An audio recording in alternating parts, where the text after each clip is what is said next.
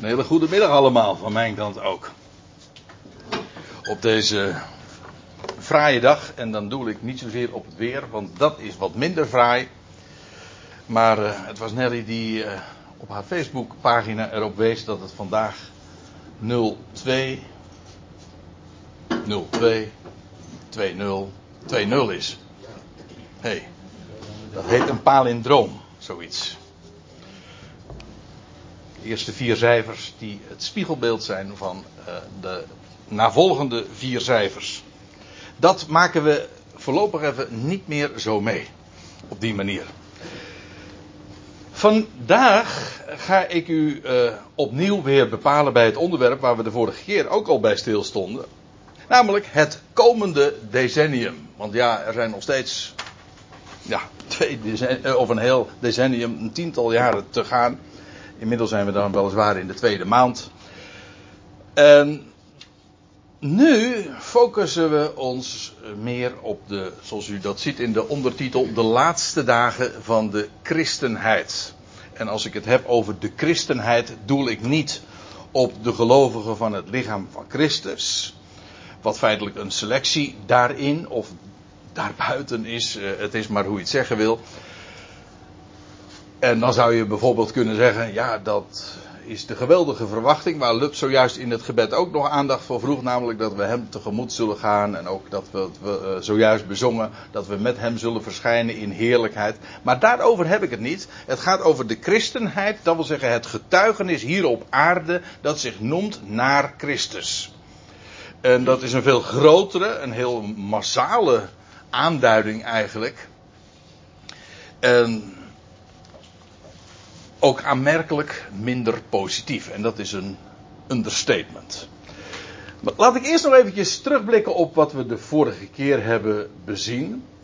Toen heb ik, om te beginnen, een tijdframe neergezet. En zijn we met zeven mijlslaarzen door de geschiedenis gegaan. Zeven mijlslaarzen is trouwens een heel aardige aanduiding in dit verband. Want zeven mijl betekent eigenlijk 7000. Een mijl is eigenlijk, komt van milia. Hè? Dat betekent duizend. Eigenlijk een mijl is duizend stappen passen. Dus zeven mijls laarzen, dat zijn dus eigenlijk, dat is 7000. Ja. En dat is precies ook de, de termijn die voor deze wereld is weggelegd. En wij bevinden ons bijna, zo hebben we het de vorige keer ook even bezien, heel kort weg overigens, dat als je het rekent vanaf Adam, dat we het jaar 6000 toch binnenkort gaan naderen. Dat moet dan, als de berekening tenminste klopt, uh, ergens uh, in de loop van het volgende decennium zijn. Mij vraagt, ergens in 2034. Maar ik geef geen garanties. Uh, in ieder geval, er zijn wel goede redenen om aan te nemen, maar dat is nu even niet het onderwerp. Het is genoeg om, aan te om op te merken dat het einde van die zes millennia in, in binnen handbereik ligt. En we zitten echt helemaal aan het einde. Als je het zo in die grote termen ook bekijkt. En dat niet alleen. Het is niet alleen maar het einde van het zesde millennium sinds Adam. Het is ook het einde van twee millennia sinds Christus heen gaan. Want ja, als je er dan even van uitgaat dat uh, Jezus Christus stierf en opstond en ten hemel voer in het jaar 30. Dan hoef je geen groot wiskundig te zijn of een, een rekenknobbel te hebben om uh, na te gaan dat in het jaar 2030, dus twee millennia, uh, inmiddels gepasseerd zijn. En uh, ik vond het wel opmerkelijk dat Lub zojuist er ook even in de, vanuit de Bijbellezing in Hosea al op wees. Dat Christus zou terugkeren na twee dagen. En dan zou hij Israël ook doen opstaan. En zouden ze leven als uit de doden. In ieder geval na twee dagen is dat. Twee millennia. En dan is in ieder geval daarmee ook vastgesteld dat het jaar 2030 een mijlpaal is. Ik wil, wil, wil daar verder uh, niet te veel consequenties in dit verband aan uh, koppelen. Dat is nu even niet het onderwerp. Maar hoe dan ook, 2030 is een mijlpaal. Omdat er dan twee millennia, om precies te zijn, zijn uh, gepasseerd. Sinds dat Christus het aardse toneel verliet. Dat was één ding wat we naar voren hebben gebracht en wat we hebben bezien de vorige keer. Wat we ook hebben bezien is wat er uh, de laatste eeuw zomaar aan, uh, aan de orde was. En vooral dan in politiek opzicht en dan vooral met de focus op het Midden-Oosten, wat daar aan de hand is. Precies wat we ook hadden mogen en kunnen verwachten. Namelijk dat als Jezus Christus inderdaad aan zijn komst aanstaande is. Dan moet daar nog het een en ander gebeuren. Omdat de Bijbel nogal wat zegt over de tweede komst. De terugkeer van de Messias hier op aarde. En het hele, om zo te zeggen, profetische decor. Wat daar dan op aarde zal zijn. En wat er gebeurt is. Uh, Petrus spreekt daar ook over dat van een herstel, een restitutie van alles waarvan de profeten hebben gesproken. En dat is, en waar hebben de profeten van gesproken? Wel, die hebben gesproken van, van de Libanon. de profeten gaan daarover. Over de Libanon, over Egypte, en over Jeruzalem, en over Am Ammon, en over uh, Syrië, nou ja, enzovoort. En de Filistijnen, om niet te vergeten. Nou, al die entiteiten, al die staten, al die landen, die zijn weer op het schaakbord gekomen. Al die stukken zijn daar weer geplaatst. En we hebben dat zo uh, kortweg bezien. Egypte, Libanon, Syrië, Ammon, Amman, Jordanië, Israël, Jeruzalem, Palestina. Ze zijn allemaal weer in pakweg 6, 7, 8 decennia uh, op de kaart gezet. Wat hoogst uniek is. Want je moet je realiseren dat al die landen waar ik, en die, die staten waar we het over hebben, duizenden jaren lang niet bestaan hebben, omdat ze altijd onder de voet zijn gelopen en bezet gebied waren of deel uitmaakten van andere rijken, het Ottomaanse, nou ja, noem maar op. En sinds een eeuw, eigenlijk nog iets minder zelfs, staan al die staten weer gewoon daar. Ja, voor degene die het profetisch woord kennen, die hoeft dat niet te verbazen, want dat is precies wat je had mogen verwachten. Maar ik moet u zeggen, het is toch wel het op, opmerken waard eh, dat dat inderdaad zo allemaal zijn vervulling heeft gevonden inmiddels. En eh, waar ik ook even de aandacht voor heb gevraagd, is een andere staat die, waar ze nu druk mee doende zijn om die weer neer te zetten, namelijk Edom. Namelijk die stad Neom daar. Uh, in de buurt zeg maar, van Eilat, eigenlijk aan de andere kant van Saoedi-Arabië. Een gigantische stad. En kosten nog moeite worden gespaard om dat daar neer te zetten. En dat maakt ook wel degelijk deel uit van het gebied van Edom. En dat hadden we ook mogen verwachten, want Edom speelt ook nog een hele grote rol in het hele profetische decor moet er ook eerlijkheidshalve bij zeggen dat er nog twee belangrijke stukken uh, ontbreken. En dat is in de eerste plaats een tempel in Jeruzalem. Die gaat er weer komen. U zegt, ja oké, de, heilige plaats is er. Uh, daarover is trouwens ook nog wel wat meer te zeggen. Maar uh, een, een, een Joodse eredienst waarbij het slachtoffer enzovoorts weer gebracht wordt dat is er nog steeds niet. Weliswaar staan vele Joden te popelen en alles ligt al klaar om het te doen. Maar het groene licht is er nog niet voor gegeven. Het is er nog niet. Maar één ding weet ik zeker: het gaat er komen. En dan is er nog iets. En daarvan. Uh, dat bevreemdt eigenlijk wel dat we daar eh, op dit moment nog niks zinnigs over kunnen zeggen. Namelijk, tenminste ik op dit moment nog niet. Namelijk dat uh, Babel of Babylon daar in Irak weer het wereldhandelscentrum moet gaan worden. En daarvan, uh, ja, er is genoeg gaande daar in, in Irak. En momenteel is het een, een, gigantische puinhoop. Dus de, kaarten worden weer helemaal opnieuw geschud. En wat er allemaal nog gaat plaatsvinden, ik weet het niet. Eén ding weet ik zeker. Die, tenminste, dat leidt voor mij, als ik de schriften lees, geen twijfel. Babylon zal ook weer op de kaart komen. Nu nog niet. Oké, destijds was het Saddam Hussein die weer Babel herbouwd had. Stond er toen, maar in wezen heeft hij er toen weer een museumstad van gemaakt. Van een wereldhandelscentrum is absoluut nog geen sprake. Sinds vorig jaar is Babylon trouwens ook staat op de UNESCO uh, lijst van uh, landen, van, van steden, van plekken, locaties. Die dan ook een bepaalde culturele, historische status hebben. En dan ook door de VN al zodanig beschermd worden. Maar dat alles lijkt nog niet op wat profe de profetieën zeggen over wat Babel in de eindtijd zal zijn. De Aion begon ooit met Babel. Gedurende vele wereldrijken is Babylon ook het, de hoofdstad geweest. Bij het Babylonische Rijk, logischerwijs. Maar ook bij het Medo-Persische Rijk. In het Griekse Rijk. Alexander de Groot had Babylon, Babylon als hoofdstad. Uh, en sindsdien is het weg. Maar het gaat er weer komen. Dus ja, die ontbreken nog. Maar dat is, uh, als je het hebt over wat mogen we in het komende decennium dan toch verwachten. Ja, dan zijn dat toch het. Uh, het op hun plek gezet worden van, van deze ont, uh, stukken die op dit moment nog ontbreken. Dus daar houden we dan toch onze aandacht bij natuurlijk. En ik wilde trouwens nog wel eventjes, ik heb het de vorige keer ook gezegd, uh, de disclaimer bij vertellen. Als ik over deze dingen spreek, dan doe ik dat niet als, als uh, ook niet enigszins met een profetenmantel om of omdat ik profetische gaven niet in het minst. Ik ben een Bijbellezer. Ik ben geen profeet. Die bestaan er volgens mij ook in onze dagen niet, tenminste geen echte.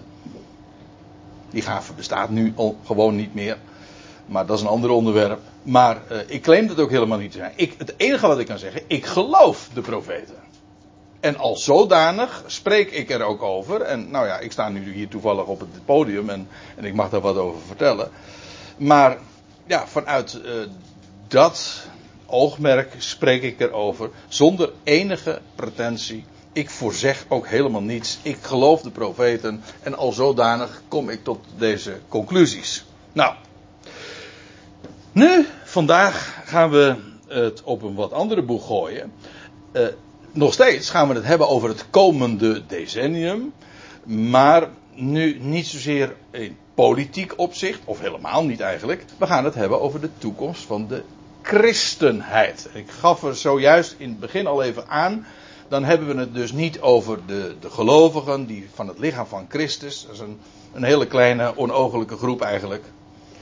Uh, die God heeft uh, voorbestemd uh, voor, om verbonden te zijn met, het, met zijn zoon, hoofd en lichaam. Nee, we hebben het over die enorme grote wereldreligie. Vergis je niet, het christendom is tot op de dag van vandaag de grootste religie. Gewoon als je het wereldwijd bekijkt. En veel groter nog dan de islam of boeddhisme of welke andere stroming er nog meer is. De christenheid is dus verreg de grootste. En in feite zou je kunnen zeggen dat de hele. Vraag het aan een moslim of aan, aan de mensen zeg maar in Afrika of in Azië. Uh, ja, dan zeggen zij het christendom, ja, dat is gewoon het Westen. Het christelijke Westen. Het avondland. En in feite is de hele Europa en, en uh, Noord-Amerika en feitelijk ook uh, Zuid-Amerika, dat is dan meer rooms-katholiek, maar dat, het hele continent Amerika, Europa, is christelijk.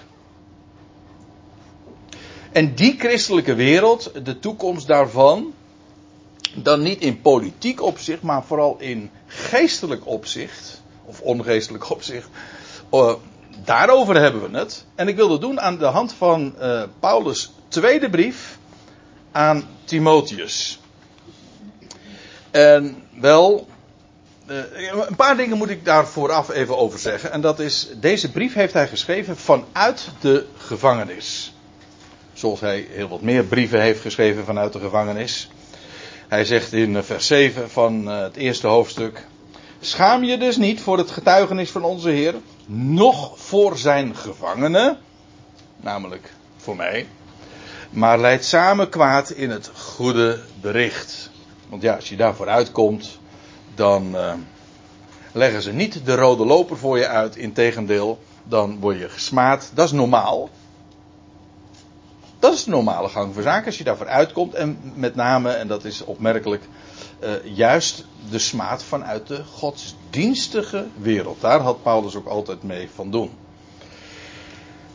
En het feit dat hij in Rome was, dat was niet omdat het Romeinse Rijk nou zo tegen Paulus was, of omdat de keizer tegen Rome, Rome was. Hij is in gevangenschap gekomen op instigatie van, van de Joodse religie. Het oude verbond, of de godsdienst die dat heeft geconserveerd, het Jodendom die daarvoor heeft gezorgd. Het is altijd die, uh, de religie die uh, dat enorme uh, zich verzet tegen dat evangelie, het goede bericht. Is wel vers 8, Is het vers 8? Oh, neem me niet kwalijk. Gaan we thuis nog eventjes wijzigen. En hij schrijft er trouwens ook bij, en dat is ook typerend. Uh, allen in Azië hebben mij verlaten in vers 15.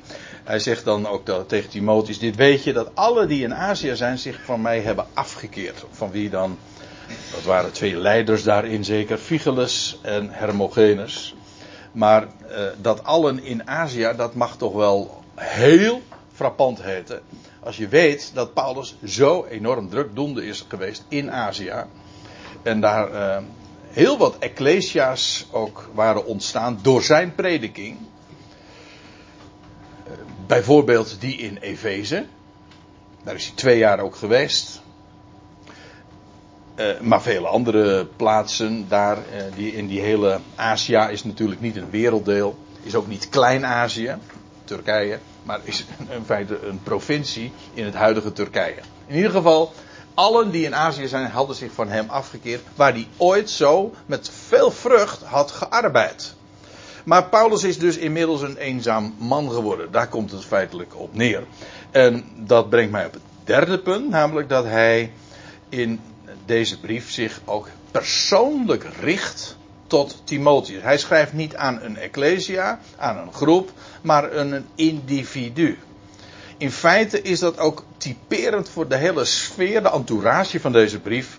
Want in feite, eh, wat hij eh, eigenlijk vanaf het begin tot aan het eind zegt, is het grote geheel is niet meer aanspreekbaar. Uh, die heeft zich namelijk van mij afgekeerd. En waar die zich nu op richt, dat is niet meer groepen, maar individuen de enkeling. Die ene. Het geheel heeft zich afgewend. En wat hij uh, zegt, maar nou loop ik even voor de fanfare uit.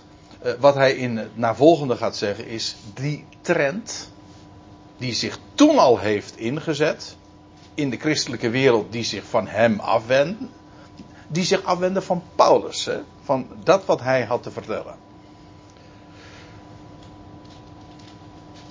Uh, dat zou, die trend die zou alleen maar zich uh, des te meer in de loop der tijd gaan manifesteren. Vandaar ook dat hij iedere keer dat uh, persoonlijke zegt, als hij dan bepaalde ontwikkelingen tekent, dan zegt hij van maar jij, maar gij staat er dan in, de, in onze vertalingen. Maar jij, dat wil zeggen iedereen gaat zo en dan is het de enkeling, vandaar ook dat plaatje dat ik erbij heb gedaan, dat moet voor dat moet voor Urkers toch wel aanspreken hè, met die vissen, die zalmen in dit geval. Zalmen, lofzangen en geestelijk. Oh nee, dat was weer wat anders. Salmen uh, die hier tegen de stroom ingaan. Ja. Nou, dat is eigenlijk wat de Timotheusbrief uh, inhoudt. Dat is trouwens ook het kenmerk van een levende vis. Een levende vis die gaat tegen de stroom in. Dode vissen die gaan met de stroom mee met gemak. En het leuke is, nou ja, leuk. Uh, in ieder geval, het opmerkelijke is, daar hoef je niks voor te doen. Om met de stroom mee te gaan. Want mensen zeggen wel eens een keer en van, nou ja, ik, nee hoor, ik, uh, ik sta nog in, in, in, in dezelfde positie, in dezelfde modus als, als jaren geleden. Ja, je hoeft, maar dan ongemerkt ben je mooi wel verplaatst. Want je gaat gewoon met de meute mee. En ongemerkt ga je dus uh, stroomafwaarts. En ik heb nog een mooie spreuk uh, destijds, of nou, uh, onlangs las ik hem nog weer een keertje en ik vind hem erg mooi. Als je bij de bron wil wezen, dan moet je tegen de stroom ingaan. Hey.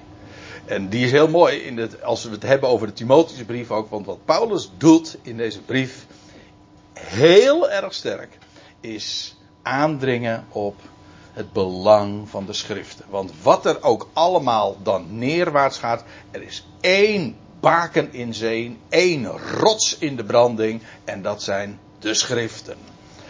Ik kom daar aan het eind nog even op terug. Nou, in, in dat kader, aan het einde van zijn leven, uh, hij zou binnenkort ook uh, worden gefusieerd. Hij zegt in 2 Timotheus 4 ook het, het, het, het, tijdstip van mijn verscheiden staat voor de deur. Dus Paulus had nog maar heel kort te leven en in dat verband schrijft hij deze brief ook. Er is veel meer over te zeggen dan ik nu doe, maar uh, dit, dit, moet ik even gezegd hebben als, ja, als, als context van waar we nu vervolgens naartoe gaan. Goed, nou, en dan neem ik u vervolgens mee naar 2 Timotheus 3, vers 1. Laat ik zelf ook even de Bijbel er nog bij pakken. Voor zover dat nog nodig is.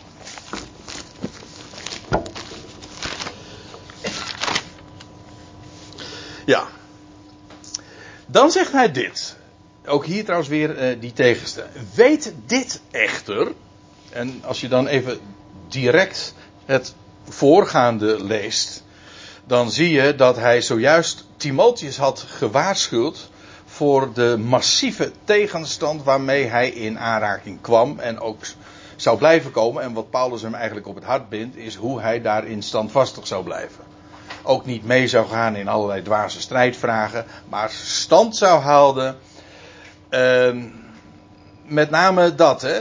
Ja, ik zei al, deze brief gaat over die enorme neergaande lijn, over met dat stroom afwaarts. En dan zul je gewoon je uh, moeten weten dat tegenstand een kenmerk is van, van de omgeving waarin je je bevindt. En dat wordt, en dat is dus in feite ook waar het nu in het navolgende verse over zal gaan, dat zal naarmate de tijd voortschrijdt alleen maar erger worden. En dus komt het erop aan om te blijven staan. En dat is in, je zou zeggen blijven staan, dat is een passieve houding, want daar hoef je niks voor te doen. Gewoon, op de positie waar je bent, daar blijf je gewoon. Dus je zegt van nou, uh, dat is mooi, hoef ik niks te doen. In de praktijk is dat enorm vermoeiend. Waarom? Omdat als je wil blijven staan in die enorme stroom, dan, eh, dan kost dat energie. Want je moet altijd tegen de stroom in en je krijgt zoveel, met zoveel tegenstand te maken. En daarom zegt Paulus ook van, weet dit echt. Nu hij gaat hem dus ook informeren. Paul, Timotheus moet dingen weten. Eerder had hij al gesproken in de, dat was in de eerste brief aan Timotheus, van, je, uh, hij zegt, uh, ik wil je niet onbekend laten, hoe, hoe zei hij precies? 1 Timotheus 4. De geest zegt nadrukkelijk, en dan informeert hij hem ook over latere tijden. Dan dit. Weet dit echter dat in de laatste dagen gevaarlijke tijden zullen zijn. Eerst even dit. Uh, dat hij zegt, hij spreekt over de laatste dagen. Eerder, en ik, zojuist zinspeelde ik daar al even op, in hoofdstuk 4 van vers 1 van de eerdere brief, ook een persoonlijke brief, had Paulus al geschreven over de ontwikkelingen voor latere tijden. Dat is, dat je hebt, eh, ik weet niet wat u nog weet van de taallessen van vroeger, maar je hebt dan een bijvoeglijk naamwoord en daar heb je dan eh, de vergrotende trap en de overtreffende trap. Bijvoorbeeld, je hebt laat.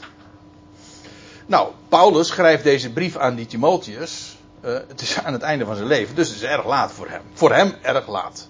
Het einde van een bepaalde fase. In feite ook het einde van de hele apostolische periode. Dat is laat. Maar Paulus had gesproken met Timotheus en hem daarover geïnformeerd. En ook met nadruk gezegd over latere tijden. Dat is de vergrotende trap. Je hebt laat, later, dat wat in perioden eh, zou volgen op een nog later tijdstip. De latere generaties, waar hij het in 1 Timotheus 4 over heeft, is dat hij al voorzegt. Hij zegt dat uh, men zou afstaan, afstand zou doen van het geloof. Namelijk zoals hij dat had onderwezen. En dat zou, men zou bijvoorbeeld ook uh, spijzen gaan verbieden. Va, uh, de verplichte vastenperiode. maar ook het huwelijk. denk maar aan het celibaat. Wat in latere generaties, ergens in de vierde, vierde vijfde, nee, al eerder. In de derde, vierde eh, eeuw. Kwam, kwamen dat soort stromingen op van ascese. Verplicht je onthouden van. Ook de, het, het, het onrein verklaren feitelijk of onheilig van seksualiteit. Vandaar ook het huwelijk willen verbieden. Dat heeft Paulus allemaal voorzegd en met nadruk al gezegd. In latere tijden zal dat zich gaan manifesteren. Maar nu heeft hij het dus niet over zijn eigen tijd, ook niet over latere tijden, maar over de laatste dagen. Dat is dus de overtreffende trap. Laat, later, laatst. En dit zijn de laatste dagen. De laatste periode. De, de eindfase dus. En dan moet ik trouwens nog iets bij zeggen. Want uh, u ziet trouwens in de vertaling ook. Ik heb het de. Dat moet je eigenlijk in de Nederlands moet je dan uh, erbij zetten. In, dat in laatste dagen kan ook, maar klinkt niet zo mooi. In het Nederlands uh, is een, een, een lidwoord verplicht, maar het geeft, wekt een verkeerde indruk, want in het Grieks staat er geen bepaald lidwoord. Er staat niet de laatste dagen. Dat lijkt wat uh, een korrel op een, uh, een uh, hoe zeg je dat? op een slak leggen. Nee, maar het is van belang. Kijk, het Grieks heeft een, een bepaald lidwoord, dan heb je het over, over laatste dagen. Ja, de laatste dagen. Maar dat bepaalde lidwoord staat er niet. En dat is van belang omdat de uitdrukking de laatste dagen in. is een bekende Bijbelse uitdrukking. Eh, heel vaak wordt er over gesproken bij de profeten. Dat in de laatste dagen zal het geschieden. Dat het, nou ja, en dan Jezaja 2, Jezaja 11. God, er zijn vele, vele plaatsen waar die uitdrukking gebezigd wordt. Maar dan heeft het altijd uh, te maken met Israël dagen van de Messias, vooral de terugkeer van de Messias, dat zijn de, de laatste dagen. Maar het gaat hier niet over de laatste dagen, maar over uh, laatste dagen. En als het zonder lidwoord staat, dan gaat het niet over een specifieke tijd die ook elders bekend is, bijvoorbeeld die elders door de profeten gebezigd wordt, maar over, het, is een, zijn laatste dagen. Dus dan ligt de nadruk, zonder lidwoord, op dat woordje laatste. Op laatste dagen. Het idee is, dat Paulus zegt, dat je moet weten, Timotheus, dat in laatste dagen, in, de, in een eindfase, de slotperiode, en wat uh, zegt hij daarover? Dat dat gevaarlijke tijden zullen zijn. Ja, het Griekse woord wat Paulus hier gebruikt, dat komt nog één keer meer voor in het Nieuwe Testament. En dat is in Matthäus 8, vers 28. En ik citeer het eventjes. Daar lees je over de Heer Jezus. Ik citeer het uit de MBG-vertaling. Uh, dat kwamen er twee bezetenen uit de grafsteden hem tegemoet. En dan staat erbij, zeer gevaarlijke. Zodat niemand langs die weg kon voorbij gaan. En eh, hier vertaalt men het met gevaarlijk. In, uh, in 2 Timotheus vertaalt men het met zwaar. In de, eh, de Statenvertaling trouwens doet dat ook. Maar dat is wat anders. Het is niet. Uh, het is niet zwaar. Kijk, zware tijden, dat suggereert. Uh, daar ligt de gedachte in van dat zal zwaar zijn vanwege verdrukking. Of eventueel door, voor, vanwege de honger, dat dat zware tijden. Of vanwege oorlog. Nee, het zijn gevaarlijke tijden. En gevaarlijk wil zeggen en dat blijkt dan ook wel, want ik, nou lees ik even mee, er staat dus weet wel, weet dit echter, dat in laatste dagen gevaarlijke tijden zullen zijn, want, dat is de, het redengevende voetwoord, goh, ik, eh, nou, ik voel me nou toch weer een beetje taaldocent. Uh, uh, waarom? Nou, omdat de mensen zullen zijn, en dan dubbele punt, de mensen. Dus vanwege het feit dat de mensen op een bepaalde manier zich zullen manifesteren, zullen denken, gedragen, hun houding enzovoort. Dat maakt die tijden niet zwaar, maar gevaarlijk. Hoezo? Vanwege hoe men zal zijn. En let wel, in de christelijke wereld. Ik, ik schuif het argument nog even voor me uit, omdat, ik, omdat we dat pas in vers 5 zullen bespreken. Dus ik wil niet dat nu, nu, al doen, want dat krijg je een beetje, wordt een beetje chaotisch. Maar hou me even vast, ik wil u straks ook nog laten zien dat Paulus het inderdaad heeft over de christelijke wereld. Zij die een schijn hebben, kijk het maar na in vers 5, een schijn hebben, een vorm hebben van godsvrucht. Ze lijken dus heel christelijk, zo vroom of godsdienstig of eerbiedig, maar dat is slechts de vorm. Over die wereld heeft hij het. Hij, wat Paulus zegt is, het zijn geen zware tijden, het zijn gevaarlijke tijden. En waarom? Wel vanwege hoe men zal zijn in de christelijke wereld. En in de breedste zin van het woord. Gewoon zij die zich noemen naar Christus. En nou ja, als je het even heel erg uh, breed neemt, dan zou je dus, uh, zoals een, uh, een groot gedeelte van de wereldbevolking zeggen, als je in Europa woont of in Amerika woont, dan is dat de wereld, karakteristiek voor, voor die wereld die ooit uh, het christelijke Westen heette. Nou, die wereld. Uh, met, het, is gevaarlijk, hoewel, omdat uh, de mensen zich op een bepaalde manier zullen manifesteren. En het gevaar is dus gelegen, nou, nou kom ik weer even terug bij die beeldspraak. Het is gevaar is gelegen omdat je namelijk in die stroom heel gemakkelijk wordt meegenomen. Als je niks doet, word je erin meegenomen. Als je passief daarin bent, dan is het. Uh, ja, dan. Dat is fataal. Want dan word je namelijk in diezelfde uh, stroom, in die maalstroom inderdaad uh, meegesleurd. Daar moet je dus op bedacht zijn. En vandaar ook dat, dat, Paulus dat tegen Timotheus en over de hoofden eigenlijk van, over het hoofd van Timotheus tegen degenen die zijn brief nu ook lezen. Hè, en wij die inmiddels dus in die laatste dagen zijn. Want dat hebben we eigenlijk vastgesteld. Hè, die, die, die twee millennia lopen op het eind. Dus ja, ik zeg niet dat die laatste dagen nu pas uh, in dit decennium begonnen zijn. Zo bedoel ik het niet. Maar het is de laatste fase van die twee millennia. Nou, daarin zitten we in ieder geval. En dan kun je één ding vaststellen, of één ding kun je verwachten. Dat is dat het gevaarlijke tijden zullen zijn vanwege de ontwikkelingen in de christelijke wereld. Als je daar je in bevindt, dan moet je weten dat het van kwaad tot erger gaat. En Paulus typeert die wereld. Hij zegt dus niet over, hij zegt ook, uh, de mensen zullen zijn. Dat is een generalisatie, hè? de mensen. En ja, daarmee scheer je over één kam. Dat is waar. Het gaat hier dus niet over de uitzonderingen. Het gaat er dus ook niet om dat er sommige. Want die zijn er altijd geweest. Er zijn altijd mensen. De, de, de lijst die nu gaat volgen. daarvan kun je gewoon zeggen: van ja, maar zulke mensen zijn er altijd geweest. Ja, is ook zo. Maar nu is het wat men zal zijn. Gewoon.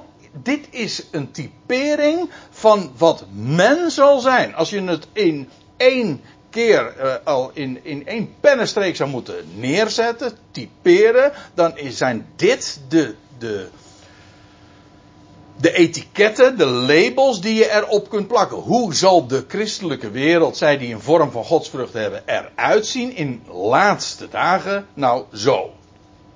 En dat er uitzonderingen zijn tot je dienst, maar dit is het algemeen. De mensen zullen zo zijn. En het eerste wat hij dan zegt, laten we dat lijstje eens gewoon langs gaan. En als u zegt van ja, maar ik vind dat helemaal niet zo aardig uh, om het daarover te hebben. Ik heb het veel liever over het goede bericht. Eigenlijk ik ook.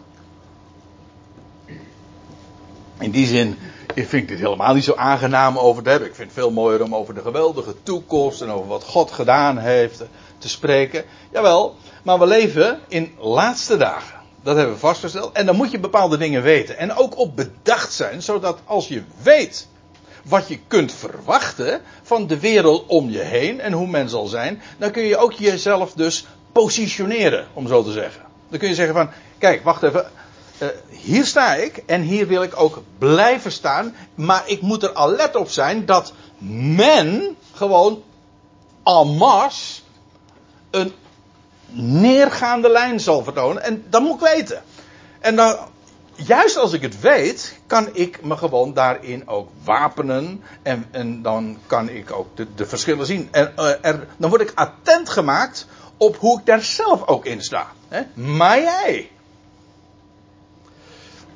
Goed, het eerste wat er gezegd wordt, en ik moet u zeggen, ik, ik heb het lijstje natuurlijk uh, bestudeerd en ik, ik vertel daar nu wat over.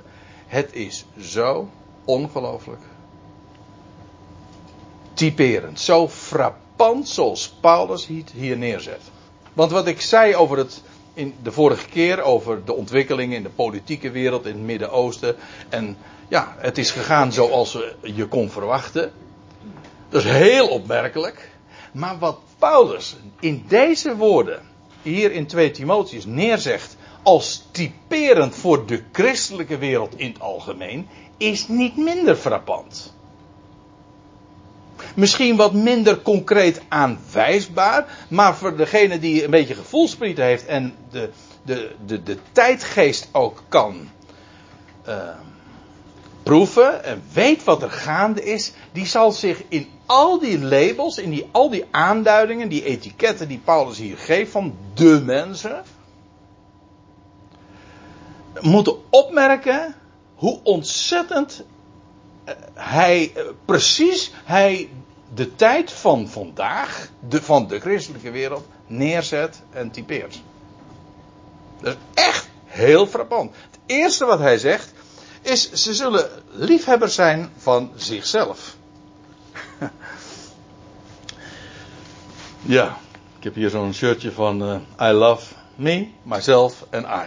Ja, ik hou erg van uh, mezelf en van mij en van ik. Dat is het. Dat is eigenlijk de, heilige drie-eenheid, om zo te zeggen.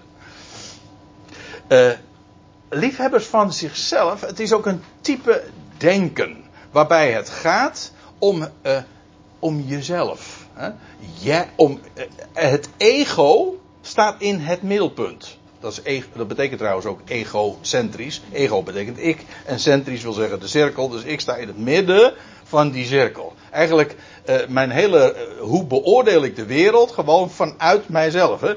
Uh, mijn eigen ik. mijn opinie, mijn gevoelens, mijn belangen. Die moeten gediend worden. En dat wordt ook zo gepromoot. Hè? Denk vooral aan jezelf. Dat. Niet meer de belangen van de ander, om maar te zwijgen dat het gaat om hem. Nee, het gaat om de mens en men bedoelt vooral ik. Ze zijn liefhebbers van zichzelf. En dat is een attitude, een houding die ook gepromoot wordt. Als zijnde een filosofie die, uh, ja, uh, die ertoe doet dat is wat. We, zijn, we, we zijn uh, verlicht hè? We, zijn, hebben ons ontwikkeld. En nu hebben we ontdekt. Uh, we hebben het uh, hele juk van religie van ons afgeschud. En, uh, of de, de gebruik. En nu gaat het om mijzelf. Oh ja, er zijn allerlei, er zijn allerlei varianten van. Maar. Daar wil ik trouwens nog even vooraf nog erbij zeggen. Nou, vooraf. Maar in ieder geval, voordat ik nu verder ga in dat, in dat lijstje. Paulus beschrijft in Romeinen 1 uh, ook een wereld. En dan geeft hij een lijst van eigenschappen. die als twee druppels water lijkt op het lijstje hier in 2 Timotheus 3. is niet één op één hetzelfde. Maar de lijst lijkt verdacht veel erop. Maar leg het eens naast elkaar. Het opmerkelijke is niet zozeer de, verschillen, uh, de verschillende lijsten. Want die het opvallende is, daarvan is juist dat ze zo overeenkomen. Maar in Romeinen 1 is het de wereld zonder God, die God niet als God erkent. Hier in 2 Timotheus is het de wereld met een schijn van godsvruchten. Juist wel de godsdienstige wereld, de christelijke wereld, die, is, die heeft dus in feite de eigenschappen aangenomen van de seculiere wereld. Een beetje een rare term, want het is een pleonasme. Seculier betekent namelijk de wereld. Maar gewoon de wereld die God niet erkent. En men heeft dat gewoon gekopieerd. Nou, dat is de wereld. In feite, de hele christenheid, de, de ontwikkelingen in de christelijke wereld, die lopen. Dat zijn, dat zijn kopieën van uh, de, de wereld die seculier is, gewoon helemaal niet christelijk. Men heeft dat gewoon overgenomen. Trouwens, ik heb daar ooit eens een keer iemand over gehoord. Ook een, uh, ja, een soort, een soort van uh, trendwatcher, zoals dat dan heet. En die zei ook van, uh, het is opmerkelijk, maar dat alle ontwikkelingen in de seculiere wereld, als je dat onderscheid even maakt, geheid een jaar of wat later, meestal een decennium later, en in Urk 30 jaar later, sorry, uh, of ja, gekopieerd worden in de christelijke wereld. Oh, en dan krijg je een christelijke variant, dan krijg je een christelijk sausje, zeg maar. Maar het is exact uh, dezelfde, dezelfde houding, dezelfde gedachte, hetzelfde concept. Alleen het krijgt dan een ander naampje en zo. Ja. Goed, liefhebbers van zichzelf. Ook liefhebbers van geld. Geldgierig staat er, geldzucht. Nou, het is niet zozeer geldgierig. Geldgierig uh, verstaan wij vooral onder dat je geld niet weggeeft, maar dat is het idee niet. Er zijn liefhebbers van geld. Het is de focus op geld. Eerder had Paulus ook aan Timotheus al geschreven in zijn eerdere brief, de 1 Timotheus 6, dat hij waarschuwt, ook, ook juist weer voor de, in de christelijke wereld, dat hij zegt van, zij die de godsvrucht beschouwen als een bron van winst, als winstgevend. Als een, hoe staat het letterlijk? Als een bron van kapitaal. Uh, zo van, daar kun je, daar, uh, daar valt cent, met godsvrucht, uh, met het evangelie, daar valt centen, vallen centen mee te verdienen. En die gedachte, dat gedachtegoed, heeft zich in de christelijke wereld enorm verspreid. En als er iets is wat in de christelijke wereld en ik heb het niet alleen maar over, ja, met name dan wel over de Pinkster en de charismatische stromingen. Maar uh, van daaruit, trouwens, de hele, uh, ook zelfs de protestantse wereld is in de laatste 10, 20, 30 jaar enorm charismatisch geworden. En zelfs, zelfs protestantse kerken, die zijn zonder dat ze er erg in hebben, feitelijk heel erg verschoten van kleur en eh, enorm beïnvloed door dat, door dat Pinkster gedachtegoed. Maar eh, waar ik het nu vooral over heb, is niet zozeer dat Pinkster idee, maar wel dat prosperity gospel. Hè, dat welvaartsevangelie. En, als je, en dat wordt eh, met massaal ook geëxporteerd. Bijvoorbeeld de zendingsgenootschappen die in Afrika actief zijn, maar Zuid-Amerika niet minder. Die eh, boeken grote winsten. Ik bedoel, eh, volle kerken kun je ermee creëren. Door vooral dat prosperity gospel. Volg je Jezus Christus, dan word je daar steenrijk van. Vooral de voorganger. Hm? Want als je mij geld geeft. Oh, ik kan hele verhalen vertellen als je je tiende geeft aan onze kerk. Weet je wel, dan, dan, uh, dan word je rijk gezegend en dan krijg je, nou ja, nou ja, Lambo en, al dat soort uh, mooie uh, rijke dingen, weet je wel. Dat welvaartsevangelie is typerend voor de christelijke wereld van de laatste decennia met name. En het is in het verleden, bestond dat ook wel, maar toen waren het nog enkelingen. Nu is het een, een hele karakteristieke onderstroom geworden, of een, eh, een, kenmerk van de christelijke wereld in zijn algemeenheid. Dat wil zeggen, het is één van de kenmerken van de christelijke wereld. Uh, liefhebbers van geld, arrogant. Ja, uh, het hangt er een beetje vanaf. Pocher staat er in de NBG-vertaling. In, uh, als je dezelfde uh, de MBG-vertaling, die geeft dit woord weer in Romeinen 1 vers 30 met grootsprekers. Pretentieus. Het moet allemaal heel groot zijn. Ook dat is natuurlijk, dat spreekt erg aan. Uh, geld spreekt erg aan. Want ja, in feite, om even terug te komen nog op dat geld, hele idee, maar de, de, de, betekenis van geld is gigantisch belangrijk. In feite gaat het daar allemaal om. Uh, bij de bouw van kerken en kerkgenootschappen, uiteindelijk draait het om de centen die binnenkomen. kan daar eh, verhalen van vertellen, dat doe ik niet. Doet ook even nu niet de zaak. Het gaat er even om dat dat echt uh, gecultiveerd is. Het is een type denken dat er gewoon bij hoort. Dat heeft ook te maken met dat grootse. Hè. Men wil grootsprekers, men wil vooral kijkcijfers. Wat dacht je daarvan? Die zijn meer dan ooit belang, belangrijk. Want je kan dan groot lijken. Hè? Heel pretentieus. Dat andere, die, die andere eigenschap, hoogmoedig. In de MBG-vertaling zegt vermetel. Dat woord kennen we niet zo erg meer. Maar uh, dat is eigenlijk ook hoogmoedig. Uh, trouwens, eh, ja, veel van die dingen moet ik erbij zeggen. Uh, die vertonen soms ook overlap. Dat wil zeggen, uh, arrogant, hoogmoedig, uh, ja, dat is min of meer hetzelfde. Maar niet helemaal. Dus daarom zeg ik, het heeft overlap, maar het is niet één op één hetzelfde. In dit geval, hier wordt een woord gebruikt. is boeiend om daar eens even op te wijzen. dat letterlijk betekent dat, het, het is opgebouwd uit twee elementen. Het woord hyper, dat is over, en verschijnend shining. Hè? Weet je, dat je de uh, vooral uh, mooier laat lijken, meer laat lijken dan het is. Ja, ik heb erbij gewezen, opgewezen op de social media, dat trouwens echt iets van de laatste dagen is, toch? Ja, twintig jaar geleden bestond er nog niet eens zoiets als social media. Maar die zijn allemaal gebaseerd op vooral mooier te lijken dan het is.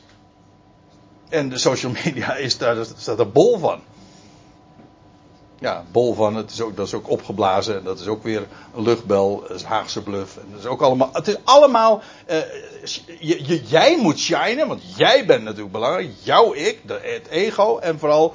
Uh, ja, dat moet. Het, het wordt groter gemaakt. Nou ja.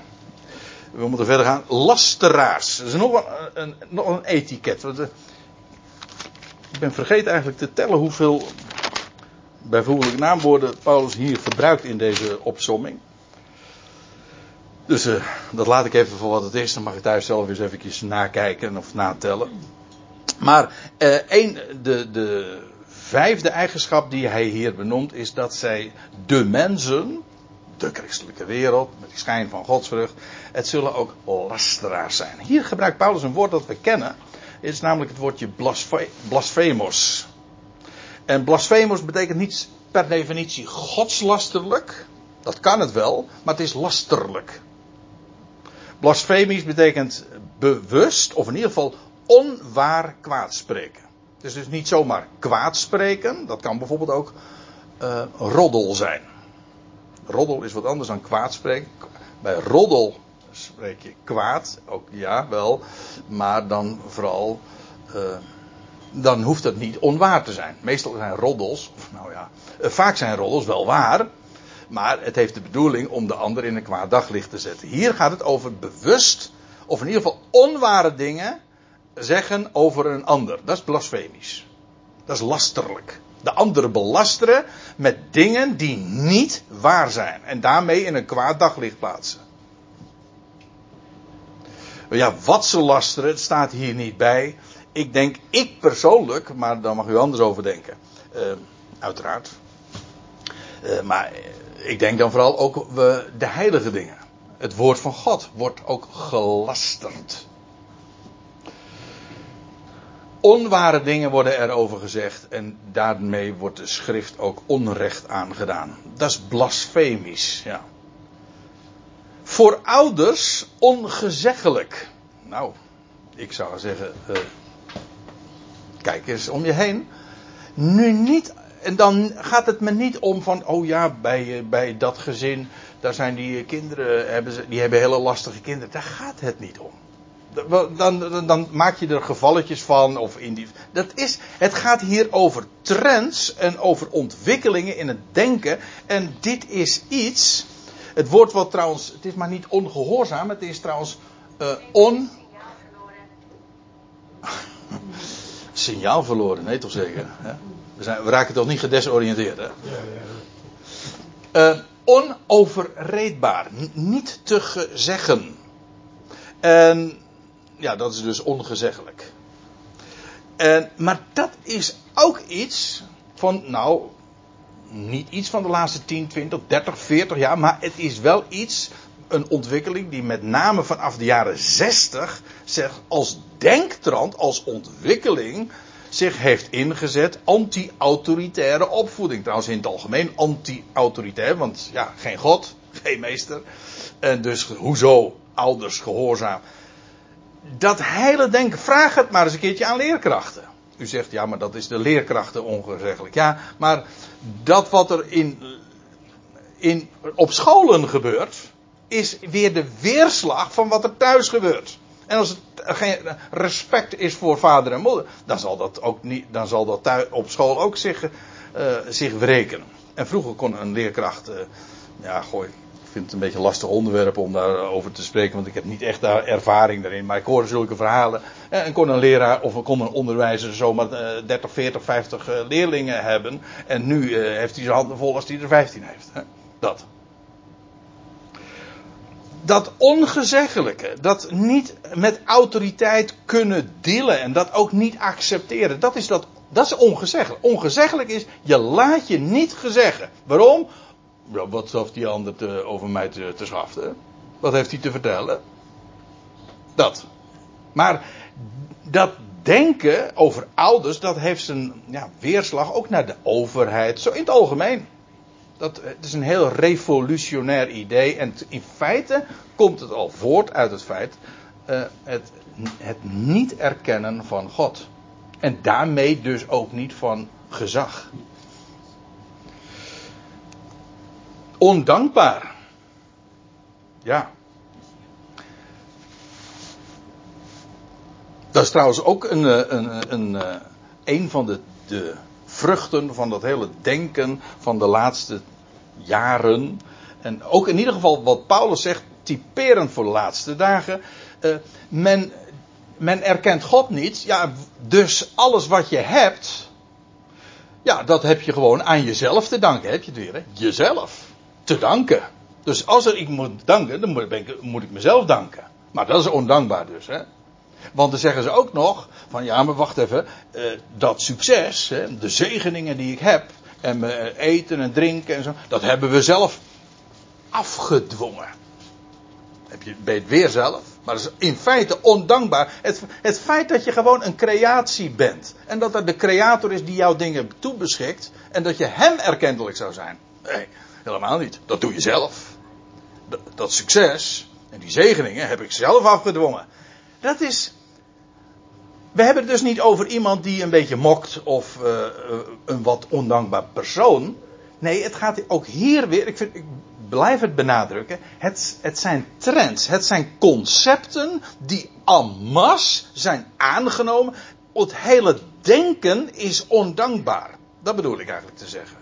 En uiteraard uitzicht dat dan vervolgens in de, ja, in de houding die mensen aannemen, in de gedachten die ze hebben, in de woorden die ze uitspreken. Eh, dat is ongezeggelijk, het wordt lastelijk, het wordt hoogmoedig, het is gezwollen, het is eh, ondankbaar ook. Onrechtschapen. Ik ben niet zo blij met dat woord eigenlijk, want heb ik later gedacht. Het is uh, hier de interlineair, maar toen ik me er nog eens wat in ging verdiepen. Uh, toen zag ik dat het uh, te maken heeft, de wijze waarop het gebruikt wordt, onrechtschapen, uh, in de zin ook van uh, onheilig. Het heeft zon, eigenlijk zonder waardigheid. Dat is het. Hier in het Engels zie je denk ik wat beter dan in de Nederlandse versie. maar in de zin van alles wordt profaan. Er zijn geen heilige dingen meer. Alles wordt banaal. Zelfs de heilige dingen worden naar beneden getrokken.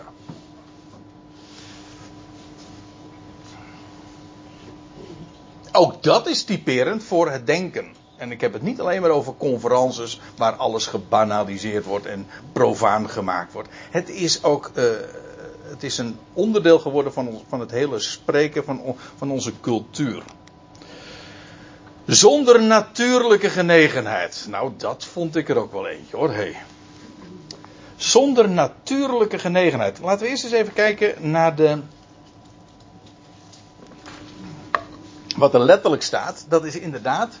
Uh, zonder. Ja. Zonder natuurlijke genegenheid. Dat is de meest letterlijke weergave die je eigenlijk maar kan bedenken. Want Paulus gebruikt het woordje natuurlijk hier. Nou, nou in dit geval negatief, zonder het natuurlijke. En zonder genegenheid, uh, filio, nee niet dat, dat woord, affectie. Zonder affectie met het natuurlijke. Dat is het. Nou, neem me niet kwalijk. Maar als er iets is wat typerend is voor de laatste decennia, dan is het wel het gebrek aan affectie met het natuurlijke. En ik bedoel dit mee. Bijvoorbeeld wat er vandaag, die hele hype over LHBT. Sorry, maar dat is gewoon geen affectie meer hebben met het natuurlijke. Zo, men spreekt over genderdiversiteit. En daarmee bedoelen ze niet mannelijk-vrouwelijk. Nee, er, er, zijn meer dan twee genders. Er zijn er geloof ik 72. Allerlei soorten genders. En vorige week dinsdag, ik heb er uh, een column over, nee, een gesprek op de EO. Ja, ja, uh, over beluisterd. Uh, waarin dat ook, waarin dat zo verteld werd voor de microfoon in het programma. Dit is de dag, heet dat. En dan in de, in de avond werd, was er een uitzending en dat ging dan over die genderdiversiteit en over, over transgenders. Ik bedoel, je, je, oh ja, het ging erom wat is mannelijk, wat is vrouwelijk. Ja, dat is hoe je je voelt. Dat is wat het. het is niet. Sorry, dat het, klinkt wat, het klinkt misschien wat profaan als ik het nu zeg. Uh, mannelijk, vrouwelijk, dat is niet iets tussen je benen, dat is iets tussen je oren. Bizar. Ze zijn echt volkomen krankzinnig geworden, mensen.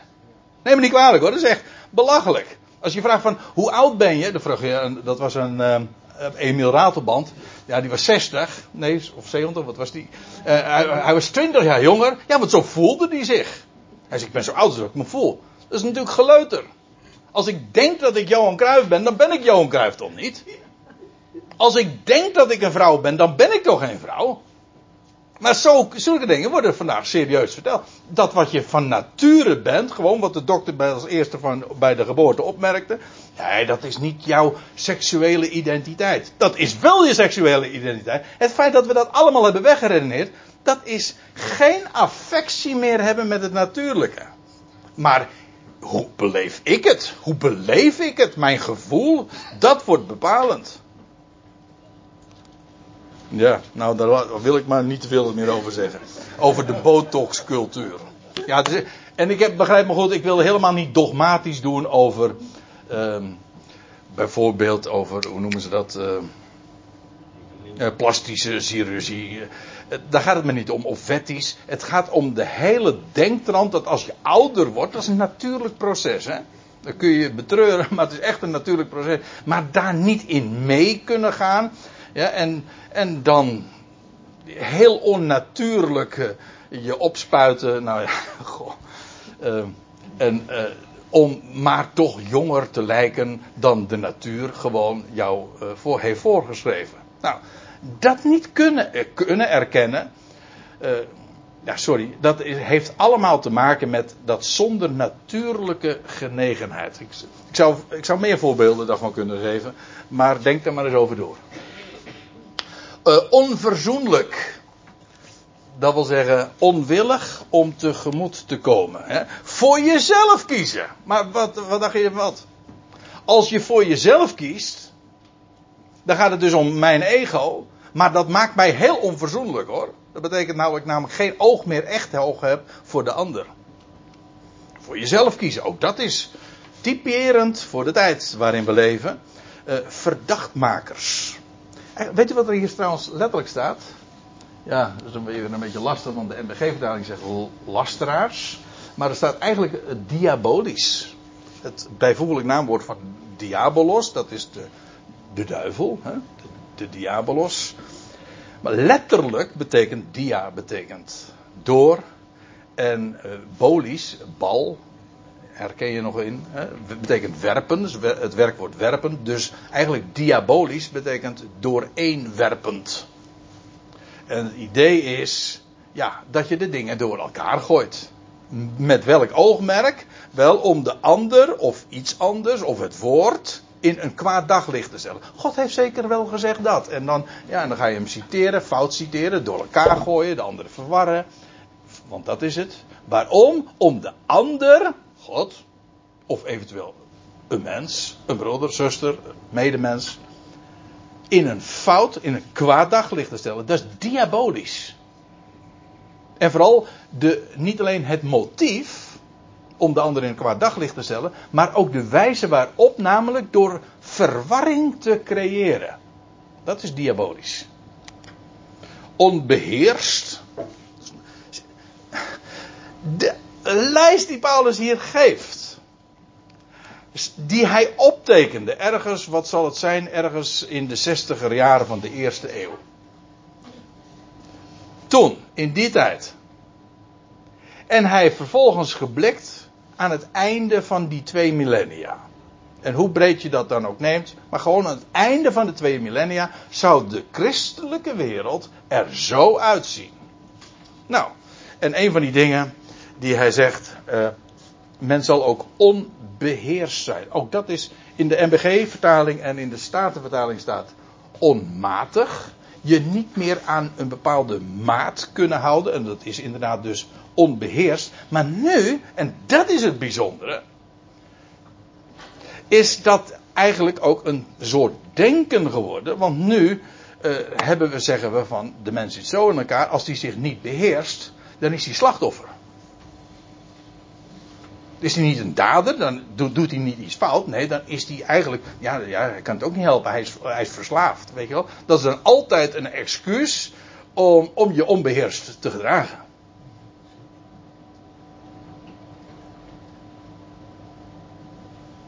Ja, ik, nou, ik, nee, ik ga er niet, verder niet op, op, eh, op door. Maar het is, dit is wel een, een, een apart onderwerp trouwens op zich. Want uh, het, het wordt inderdaad in, in, het algemeen zo neergezet dat als mensen zich niet kunnen beheersen, in of het nou eten of drinken of in seksualiteit is, dan, maar trouwens nog breder, ook als het gaat om verdovende middelen, dan altijd kan die zich verschuilen onder het feit, ja, ik kan me niet beheersen, want ja, ik ben verslaafd, weet je wel, dat. Maar dan is het geen dan is er in feite geen morele eigenschap die fout is. Wel nee, dan ben jij gewoon zielig en dan ben jij een slachtoffer. Maar daar zit, en in dat gedachtegoed, en ik heb al vaak uh, dat opgemerkt ook in gesprekken, daar zijn we allemaal, laat ik, het, laat ik mezelf maar insluiten, uh, zijn we allemaal gemakkelijk mee behept. Dat we denken, ja, dat, dat, uh, dat, dat het onbeheerste, dat dat een lot is dat je overkomt. Dat is, uh, ja, als je dat denkt, dan, ja, dan gaat dat natuurlijk ook je hele gedrag en je, je, criteria, de wijze waarop je dingen beoordeelt, enorm beïnvloeden. Nou ja, nog één, ruw, onbeschaafd. Dat is eigenlijk wat het is. Uh, grof. Dat, een ander woord voor ruw is dat het inderdaad grof is. En dat is dus onbeschaafd. Ook dat heeft natuurlijk wel weer linken met dat onbeheerste. ook dat is gecultiveerd. Om heel grof, niet alleen in de mond, maar in de wijze waarop je je opstelt naar de ander. En niet meer de waardigheid van de ander daarin te, te kennen en te erkennen. Zonder genegenheid voor het goede. Niet zozeer uh, ja, afkerig. Nou, uh, geen genegenheid hebben voor het goede. Voor dat wat zuiver is. Voor wat goed is. Moreel goed is. Ja, de, maats, de normen hebben we ook niet meer. Hè? De normen zijn we kwijtgeraakt. En uh, daardoor verlies je ook van. En de, de waarde daardoor ook. En daardoor verlies je ook de genegenheid daarvoor. En raak je dus uh, gedesoriënteerd. Ja. Verraders. Een, een verrader. Ja, ik heb het even in het woordenboek opgezocht voor een goede definitie. Dat is iemand die ontrouw is aan wat men heeft, uh, of iemand, of uh, in het algemeen, het is ontrouw zijn aan wat men heeft voorgedaan te zullen steunen. Je bent, je wordt geacht iets te steunen en te supporten en dan raak je, dan word je ontrouw daaraan en dan verraad je de ander. Je kan, je kan van alles verraden. Je roots kun je verraden, je familie kun je verraden. En hier staat ook verraders. Ja, als jij zelf alleen maar het, eh, de, eh, als jij zelf de norm wordt, ja, dan is dat ook eh, logisch dat je dan vervolgens je bronnen gaat verraden. Want het gaat alleen maar om jouzelf.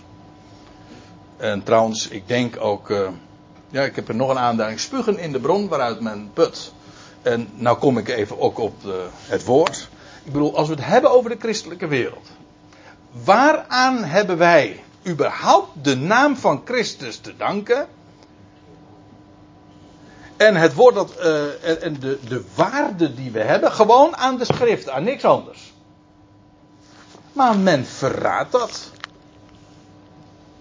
En dat waar je je, je je hele denken, alles aan te danken hebt, daar wordt dat, dat wordt allemaal aan de kant geschoven en uh, geen achting ge, gegeven die het werkelijk verdient. Dat is verrader. De christelijke wereld zal in de laatste dagen verraderlijk zijn. Dat waar ze uit, uh, waar ze haar bronnen, haar oorsprong aan te danken heeft, dat, heeft, dat verlogent men. Er komt trouwens ook nog iets anders. Uh, er is nog een andere eigenschap die hier genoemd wordt. Komt er, uh, dat verraden kom ik straks nog even terug. Uh, overhaast.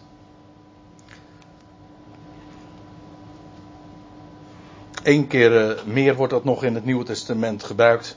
En dan wordt het vertaald met overijld, onbedacht. Maar ja, ook dat heeft weer te maken met dat motto van doen wat je voelt, hè. Niet doen wat je denkt, maar doen wat je voelt. Maar dan, ga, dan neem je altijd overijld en overhaast je stappen. Ja, ik zie dat ik uh, dat de tijd gaat dringen. God, dat lijstje is ook wel erg lang.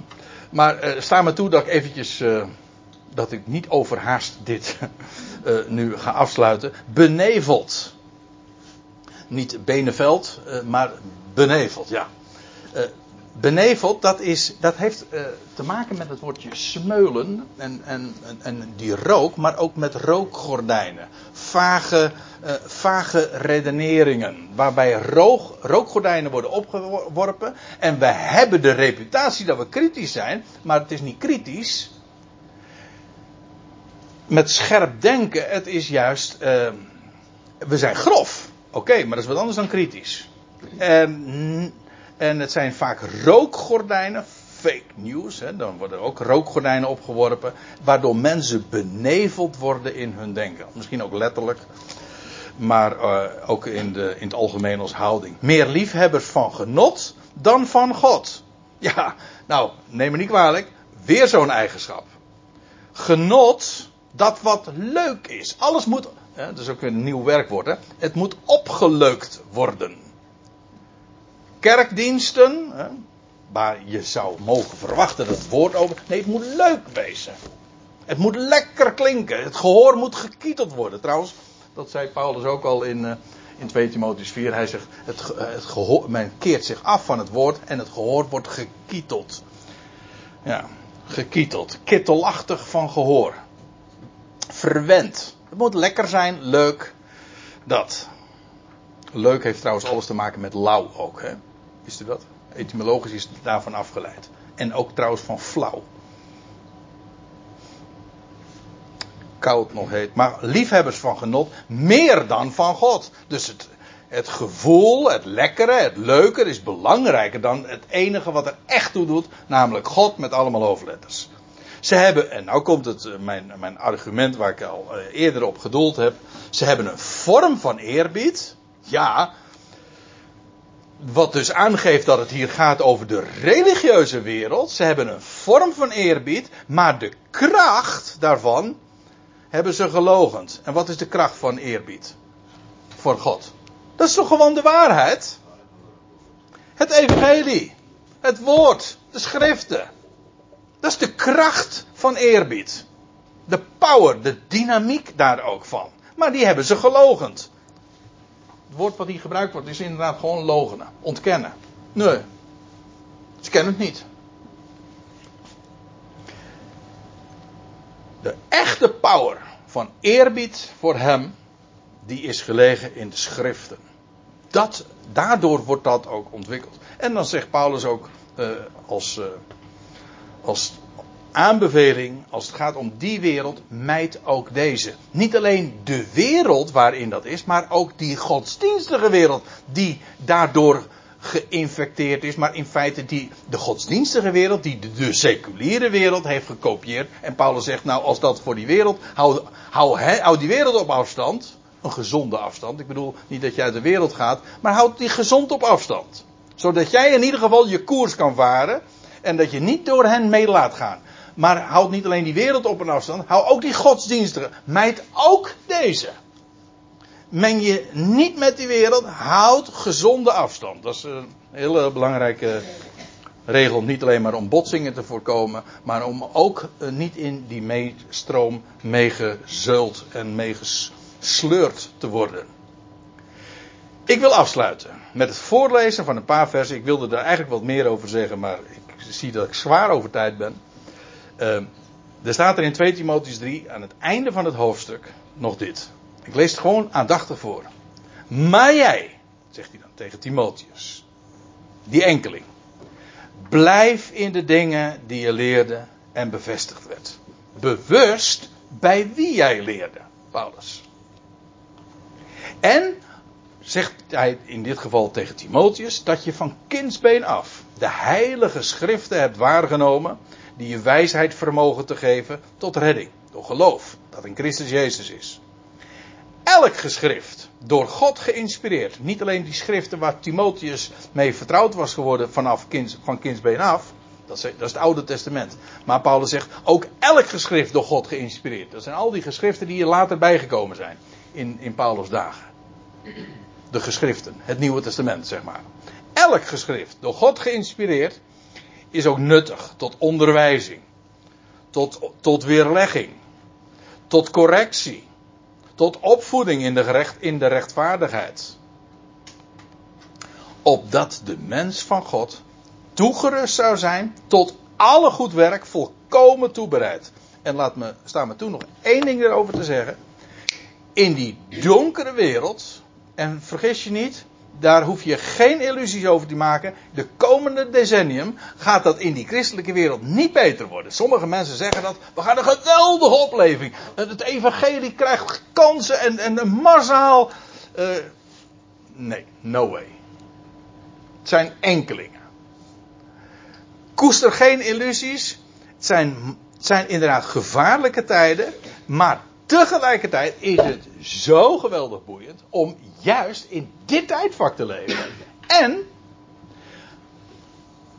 dit geweldige licht te hebben. Want er is geen tijd geweest. Ik had er graag nog wat meer over gezegd, maar ik, ik zeg het, ik houd het hierbij. Is geen tijd geweest waarin het licht van het woord zo helder straalt als juist in onze dagen. Ik bedoel dit. Nooit zijn de schriften zo toegankelijk geweest als juist vandaag. Als je wil weten wat er staat geschreven, kan iedereen dat vandaag met het grootste gemak zich eigen maken. In de grondtekst. Eeuwenlang was dat echt een hele zware opgave om te komen tot de schriften. Zelfs tot een Bijbelvertaling. En nu hebben we direct toegang tot het origineel. Dus het licht van het woord is is inderdaad die baken in zee waar ik, in, waar ik uh, over begon. En die rots in de branding in dit, ja, dat komende decennium. En dat zal echt ook niet veranderen. De tijden zijn moeilijk, jawel. Of gevaarlijk. Maar dat licht van het woord, dat straalt als nooit tevoren. En daar ben ik ontzettend blij mee. En u ook? Ja. Zullen we het daarbij laten dan?